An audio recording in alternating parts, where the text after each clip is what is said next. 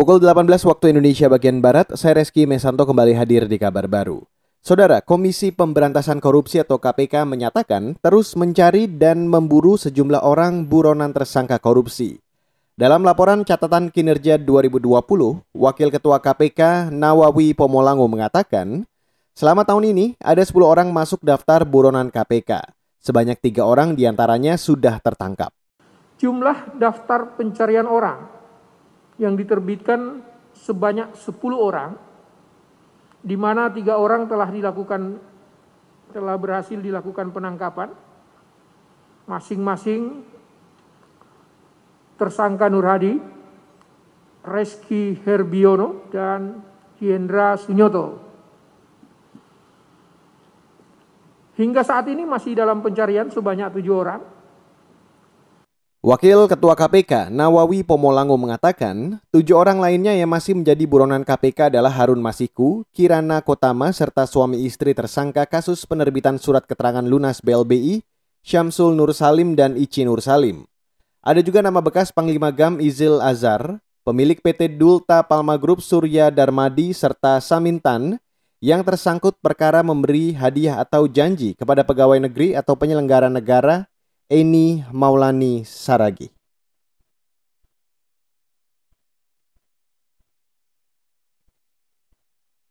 Beralih ke informasi selanjutnya, Saudara. Ikatan Ahli Kesehatan Masyarakat Indonesia atau IAKMI menilai kinerja pemerintah buruk dalam melakukan 3T yaitu pengetesan, pelacakan, dan penanganan pasien COVID-19.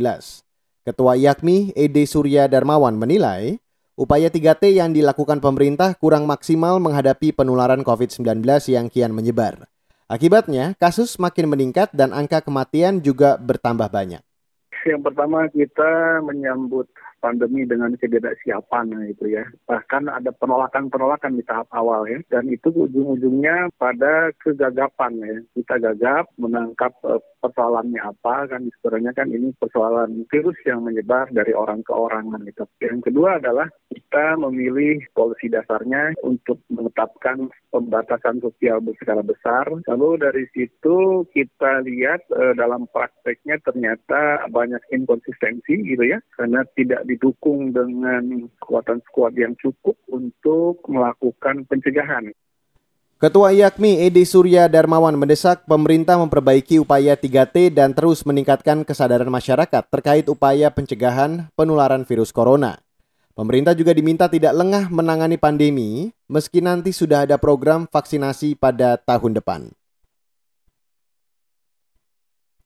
Kita ke Inggris, saudara. Otoritas Inggris menyetujui penggunaan vaksin yang dikembangkan perusahaan AstraZeneca dan Universitas Oxford untuk melawan COVID-19.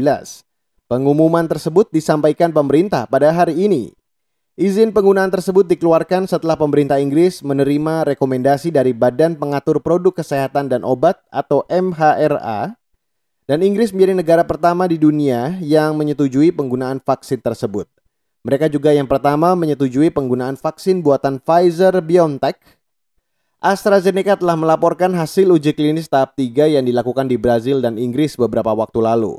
Vaksin AstraZeneca disebut 70% ampuh melawan COVID-19. Dan hingga kini Inggris memiliki 2 juta kasus virus corona dengan 70 ribu lebih angka kematian.